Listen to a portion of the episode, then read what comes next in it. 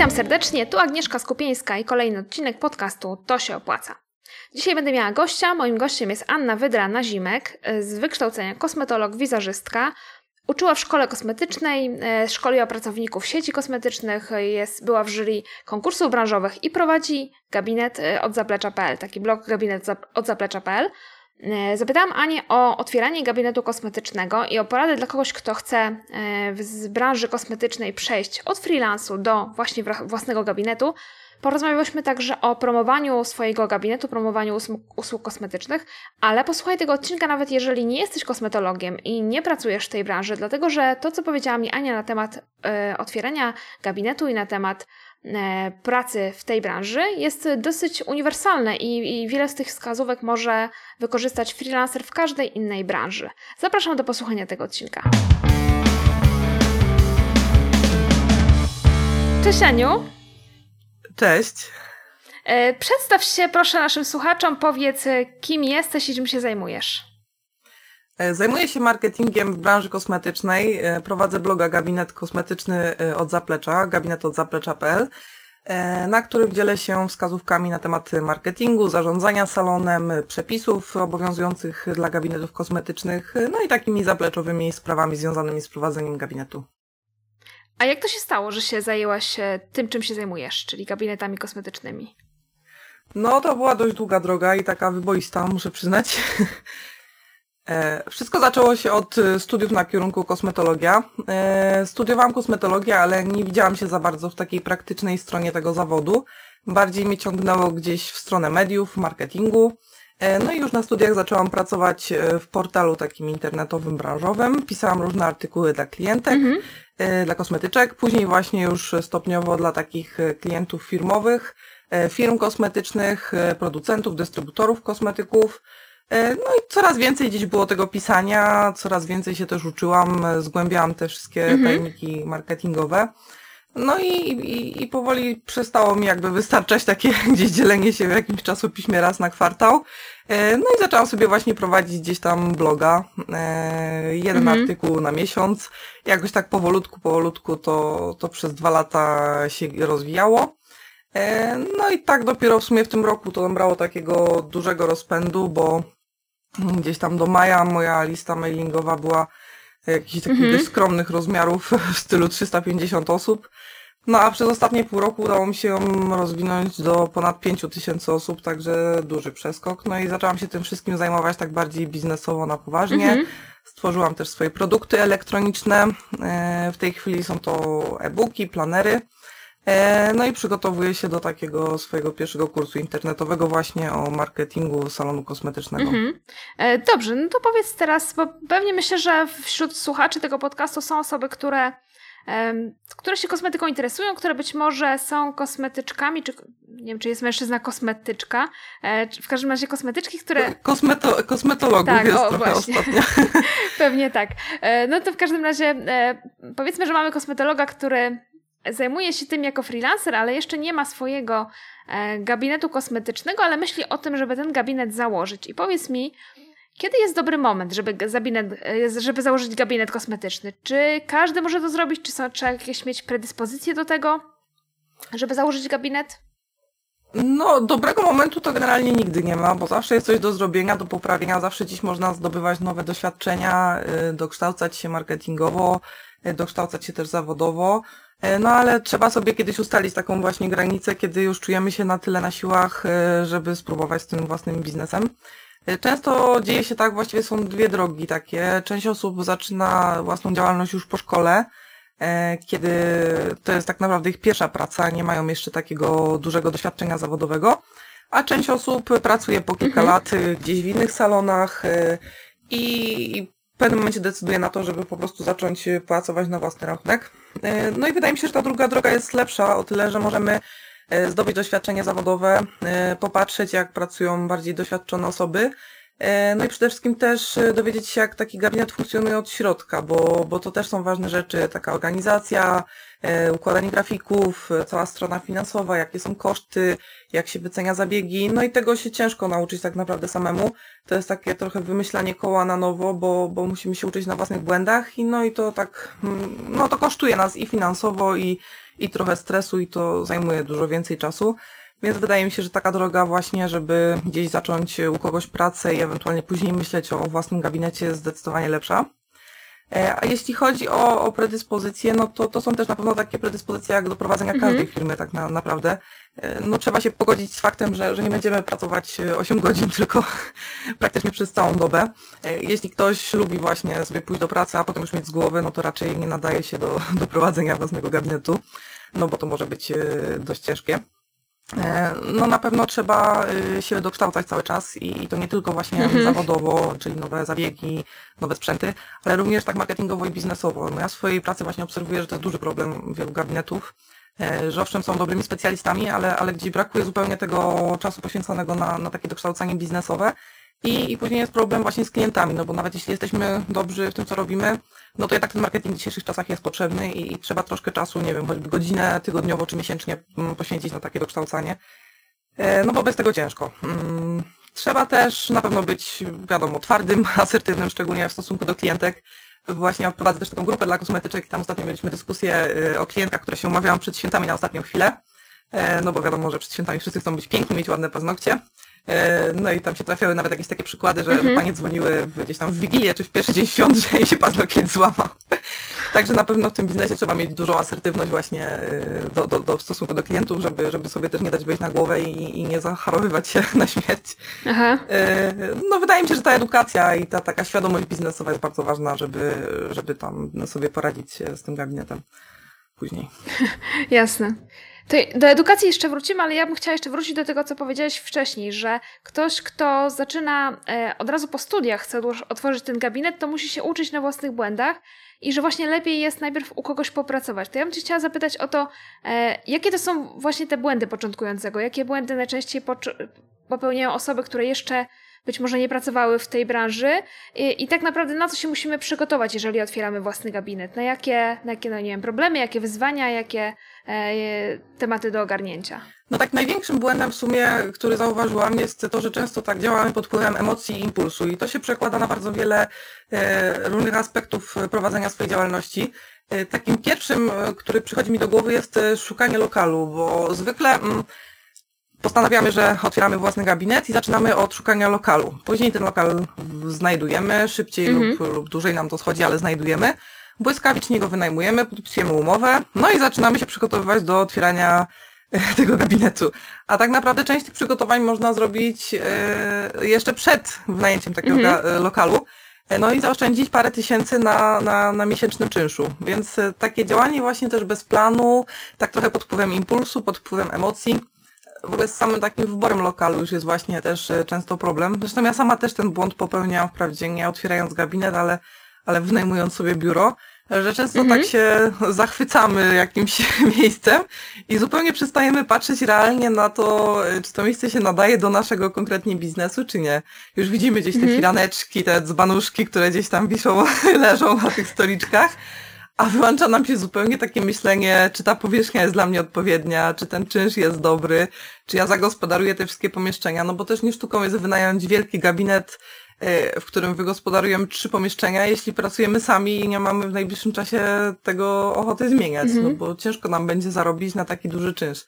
I właśnie taki brak przemyślenia tego wszystkiego tak przed, często się później czkawką odbija przez naprawdę długie miesiące, bo to też często wygląda tak, że ktoś, nie wiem, traci pracę albo się zwalnia, bo, bo go szef denerwuje i mhm. postanawia iść na swoje. A tak naprawdę no to powinno być kilka miesięcy przygotowań, e, w których tak naprawdę zastanowimy się, co chcemy robić, jakie zabiegi, e, jaki sprzęt nam jest do tego potrzebny, jakie są nam finanse do tego potrzebne, bo, bo też nie sztuką jest właśnie kupić wszystko i, i i czekać w drzwiach na klientów, tylko, tylko żeby mieć jednak pieniądze na te kilka pierwszych miesięcy działalności. No a to często też bywa tak, że ktoś się obkupi e, wszystko, wszystkie sprzęty marzeń wykupi, a mhm. potem nie ma pieniędzy na to, żeby puścić choćby jakąś reklamę na Facebooku.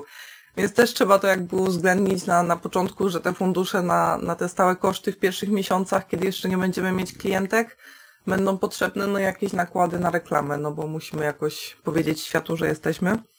Więc trzeba sobie mhm. to wszystko jakoś tak poukładać po kolei. E, na pewno nie działać pod wpływem emocji, pod wpływem impulsu, tylko tak metodycznie, krok po kroku, przygotowywać się do, do tego otwarcia gabinetu i przewidywać też takie problemy, które nas mogą spotkać, bo ja zawsze uważam, że w biznesie lepiej być pesymistą i mhm. być naszykowanym na, na wszystkie czarne scenariusze, bo jeśli one się nie spełnią, no to tylko plus dla nas, a jeśli się spełnią, no to przynajmniej nie zostaniemy w trudnej sytuacji e, z jakimiś długami, bo też często się zdarza, że ktoś bierze kredyt na, na takie drogie sprzęty, no i później jest problem, bo, bo zostaje z kredytem i, i tak naprawdę mm, jest w kiepskiej sytuacji.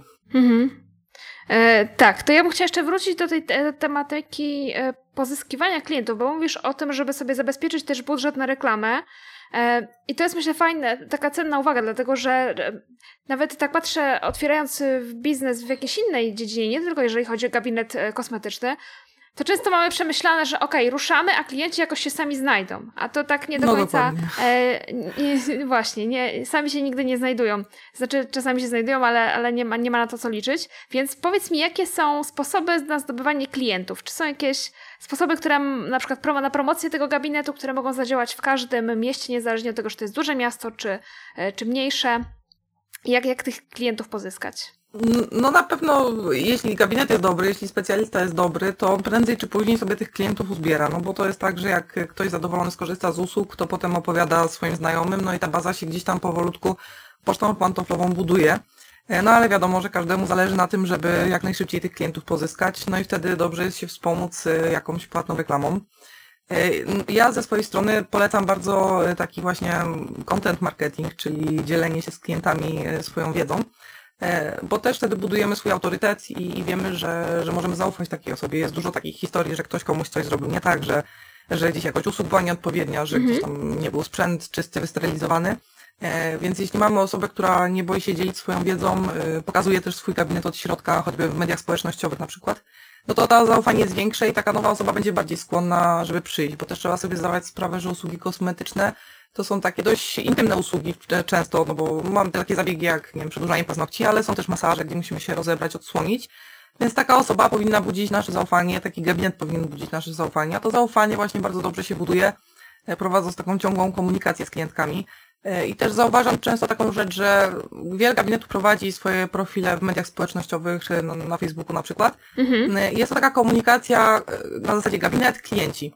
E, mało osób tak pokazuje siebie. E, też nie chodzi o to, mhm. żeby gdzieś tam jakieś swoje życie prywatne uzewnętrzniać, ale tak, taką ludzką po prostu stronę, żebyśmy wiedzieli konkretnie do kogo my idziemy. Nie, że do jakiegoś gabinetu mhm. kosmetycznego Magnolia, tylko do pani Kasi, która się zna na tym i na tym e, i możemy się oddać w jej ręce. Myślę, że takie właśnie mm, też takie budowanie swojej osobistej marki to jest taka dziedzina jeszcze niewykorzystana w branży kosmetycznej i że, że warto na to postawić, bo to przynosi dobre relacje z klientami.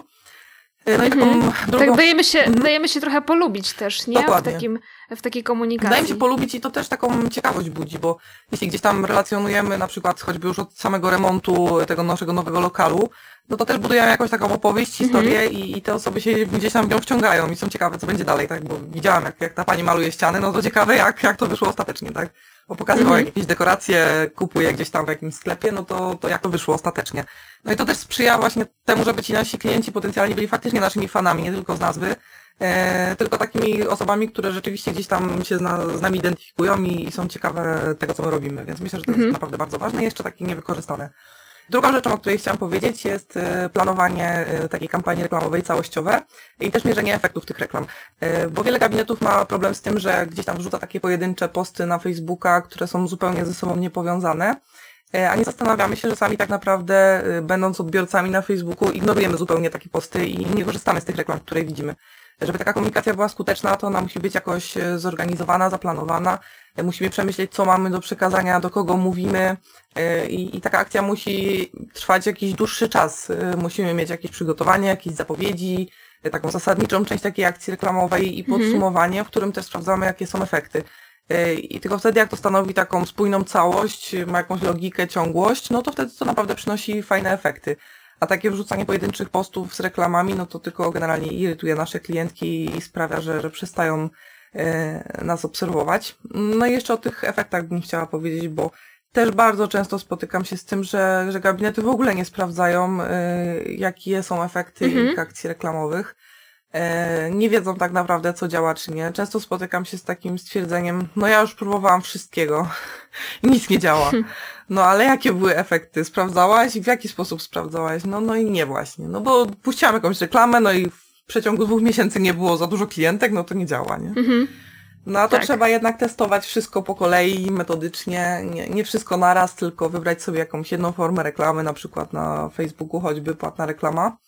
E, no i sprawdzać te efekty, testować różne warianty, wycisnąć tyle, ile możemy, jeśli chodzi o naszą aktualną wiedzę i dopiero wtedy analizować i wyciągać jakieś wnioski, czy coś działa, czy coś nie działa. Czasem się zdarza, że jedna reklama zupełnie nie działa, ale druga reklama super zadziała, chociaż różni się choćby tylko, nie wiem, zdjęciem czy jakimś kawałkiem tekstu, więc to też jest, to też wymaga wielu testów, no i takiego udoskonalania się. No ale na to trzeba niestety przeznaczyć czas, a z tym jest bardzo kiepsko, bo jeśli mamy klientki zapisane mhm. od 9 do 18, no to często, ciężko czasami ten czas znaleźć, no a to jest bardzo ważne i, i trzeba, choćby tą godzinę tygodniowo, wydaje mi się, że to jest takie absolutne minimum, które każdy właściciel gabinetu, nawet jeśli pracuje sam, nie ma pracowników, powinien wygospodarować, no bo bez tego ciężko gdzieś tam ruszyć do przodu i przeskoczyć pewien, pewien próg taki.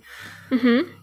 To już powiedzmy, że znalazłam tą godzinę e, tygodniowo na ten rozwój i to teraz powiedz mi, e, gdzie się uczyć? To znaczy, e, bo widzę takie dwie drogi. To znaczy, powinnam się uczyć e, pewnie tego marketingu, tej e, reklamy i promocji mojego gabinetu, ale też powinnam się trochę rozwijać zawodowo, bo, bo wiadomo, że jeżeli się e, no nie uczysz nowych trendów, nie, nie wiesz, co się dzieje w branży, no to w pewnym momencie zostajesz w tyle za konkurencją. Więc powiedz mi, e, gdzie e, Twoim zdaniem osoba, która prowadzi gabinet kosmetyczny, gdzie powinna się uczyć, czego powinna się uczyć? No do, dobrze, że tak powiem zdiagnozowałaś ten temat. Trzeba to, to jakby podzielić na te dwie rzeczy. Jeśli chodzi o taki rozwój zawodowy, to no tutaj kosmetyczki z reguły nie mają problemu, bo, bo te tematy są też wałkowane wielokrotnie w różnych miejscach. To są targi kosmetyczne, jakieś szkolenia, takie indywidualne czy, czy grupowe, e, śledzenie prasy branżowej, e, też filmy jakieś instruktażowe. No tego jest bardzo dużo i z tym z reguły nie ma problemu. Jeśli ktoś rzeczywiście chce się uczyć e, i czuje taki, taką potrzebę, to, to znajduje sobie możliwości. No, większy problem zdecydowanie jest z tymi tematami właśnie biznesowymi, marketingowymi, no bo to tak w sumie nikt jakoś sam z siebie nie czuje, że to jest potrzebne, taka edukacja dodatkowa. Yy, tylko no tak liczę na to, że będzie mu się wszystko udawać. Yy, no a jeśli mm -hmm, uczymy... Że będzie jakoś samo. Tak. A jeśli uczymy się tej kosmetologii gdzieś tam przez cały czas, no to, to tak samo trzeba się uczyć też y, prowadzenia biznesu i reklamowania się. To jest taka sama dziedzina wiedzy jak każda inna i warto o tym pamiętać. E, no a gdzie się uczyć? No tak nieskromnie powiem, że można u mnie. ja od trzech lat prowadzę bloga i tam praktycznie co miesiąc pojawia się jakiś naprawdę długi, merytoryczny artykuł właśnie na tematy marketingowe związane z zarządzaniem. To jest wszystko dostępne bezpłatnie i, i wydaje mi się, że choćby lektura takich artykułów raz na jakiś czas to już jest dobry gdzieś tam wstęp do tego, żeby się zacząć rozwijać. E, są oczywiście różne szkolenia. Mm, są te takie szkolenia, powiedzmy, ogólne, mm -hmm. na które uczęszczają osoby z różnych branż. E, ale są też takie szkolenia typowo dla kosmetyczek, gdzie ta wiedza jest taka bardziej ukierunkowana, no bo to też jest troszkę specyficzna branża, więc warto pod takim kątem kosmetycznym się uczyć, a poza tym też no takie przykłady z życia, wiadomo, że zawsze przemawiają bardziej do wyobraźni niż jakiś tam przykładek, przykład z reklamą jogurtów czy, czy czegoś innego. E, no ale trzeba w takich też szkoleniach uczestniczyć, wygospodarować sobie na to czas. Wydaje mi się, że na takie jedno szkolenie profesjonalne, kosmetyczne powinno też przypadać takie jedno szkolenie właśnie biznesowe, marketingowe, mm -hmm. czy, czy jakieś umiejętności sprzedażowych. E, no taki rozwój właśnie, który nam pomoże być też dobrym ekspertem w prowadzeniu firmy. No bo też trzeba jakby sobie uświadomić, że to, że jesteśmy profesjonalistami, że wykonujemy dobrze zabiegi, że klientki są zadowolone, to zupełnie nie oznacza, że jesteśmy dobrym szefem, dobrze prowadzimy firmę. No to są dwie różne rzeczy E, jeśli nie mamy do pomocy kogoś profesjonalnego, na przykład menadżera, no to musimy sami się tego nauczyć. Mhm. E, Okej, okay, dobra. To ja bym chciała już zostawić na, e, na boku te tematy marketingowe i, i temat prowadzenia e, firmy, ale zastanawiam się nad jeszcze jedną rzeczą. Jeżeli chciałabym założyć gabinet kosmetyczny, to lepiej postawić na jakąś specjalizację, czy lepiej taki szeroki wachlarz usług oferować? No wydaje mi się, że to najlepiej dobrać do, do siebie, do swoich predyspozycji, bo jedno i drugie ma swoje wady i zalety. E, wydaje mi się, że specjalizacja jest dobrym wyborem dla osób, które czują takie naturalne powołanie do jakiejś konkretnej dziedziny, znaczy zawsze najbardziej lubiły wykonywać jakiś konkretny zabieg, a reszta jej niespecjalnie mm interesowała, no to jest e, do, dobry, że tak powiem, początek do zostania specjalistą. E, no ale tak naprawdę ma to dużo różnych wad i zalet, jedna i druga opcja. Może tak postaram się kilka wymienić po kolei. E, no na pewno jeśli e, chcemy się specjalizować, otwieramy taki specjalistyczny gabinet, e, mhm. no to będziemy mieć na początku trochę mniej klientek, no bo biorąc pod uwagę, że nie wiem, 10 klientek by do nas przyszło na 5 różnych zabiegów, no to mm, otwierając gabinet specjalistyczny, gdzie wykonujemy tylko jeden zabieg, no to przyjdzie do nas jedna czy dwie klientki. Więc ta baza będzie nam się troszeczkę dłużej budować, ale też możemy zarobić więcej, bo jeśli wykonujemy jakieś specjalistyczne zabiegi, no to możemy jakby w ciągu godziny zarobić więcej niż osoba, która wykonuje na przykład henne. E, więc to nam się może zrekompensować e, dochodami. Na pewno otwierając taki gabinet specjalistyczny, mm, znaczy nie zawsze, ale, ale z reguły mogą to być dużo mniejsze inwestycje finansowe, bo też pewnie będzie mniejsza powierzchnia, mhm. mniej sprzętu do kupienia, mniej kosmetyków, e, więc będzie to na pewno tańsze. Aczkolwiek nasza edukacja może być droższa, bo takie specjalistyczne szkolenia zwykle kosztują więcej niż, niż jakby takie ogólne, a też otwierając gabinet taki powiedzmy podstawowy, no to często możemy się obejść tylko z wiedzą, którą zdobyliśmy w szkole i nie musimy gdzieś tam od razu na szybko się uczyć, więc, więc tutaj nam te koszty odpadają. E, właśnie gabinet taki ogólny mm, będzie z szerokim wachlarzem usług, będzie na pewno potrzebował trochę większej powierzchni, więcej nakładów finansowych. -hmm.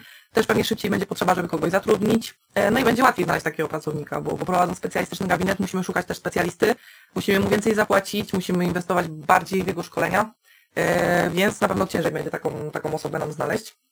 E, wydaje mi się, że pod względem e, pozyskiwania klientów e, sytuacja gabinetu takiego specjalistycznego jest łatwiejsza troszkę, bo możemy budować taką właśnie swoją markę, gdzieś tam mm -hmm. swój taki wizerunek eksperta, a oprócz tego mamy dużo możliwości dotarcia do naszych potencjalnych klientów, no bo nie mówimy do wszystkich, tylko mówimy dla jakiejś konkretnej grupy osób. Możemy nawiązywać jakieś współpracę, na przykład jeśli prowadzimy gabinety, które są zabiegi wyszczuplające, no to możemy nawiązać współpracę z fitness klubem, na przykład okolicznym, czy z dietetykiem e, i mamy dostęp do grupy, która jest na pewno zainteresowana naszymi zabiegami. Nie mówimy jakby do, do wszystkich dookoła, tylko do tej jednej grupy.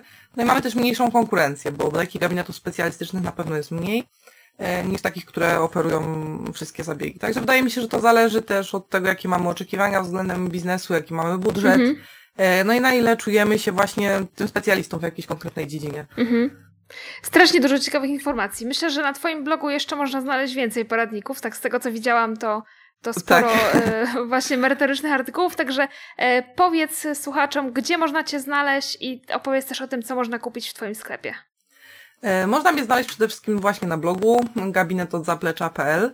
E, tam jest bardzo dużo merytorycznych artykułów. Właśnie przygotowuję się, przygotowuję się do takiego małego podsumowania i sobie nawet policzyłam i chyba około 100 ich będzie e, do tej pory, bo tak w ogóle jest 150, mhm. ale, ale część to są jakieś tam newsy, więc, więc jest tego trochę. E, mam też sklep internetowy, w którym można znaleźć moje e-booki, planery. Link do sklepu jest na, na stronie bloga.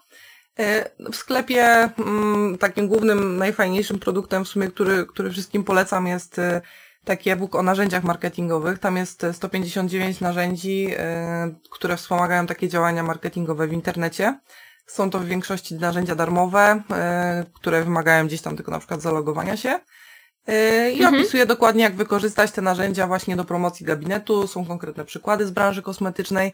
Także polecam wszystkim, którzy, którzy się chcą mm, reklamować. No i możecie również zaglądać na moją stronę na Facebooku Gabinet od Zaplecza i też zapraszam serdecznie do mojej grupy. Gabinet Kosmetyczny od Zaplecza. E, tam przyjmujemy tylko i wyłącznie osoby związane z branżą, profesjonalistów i sobie rozmawiamy na różne takie zapleczowe tematy.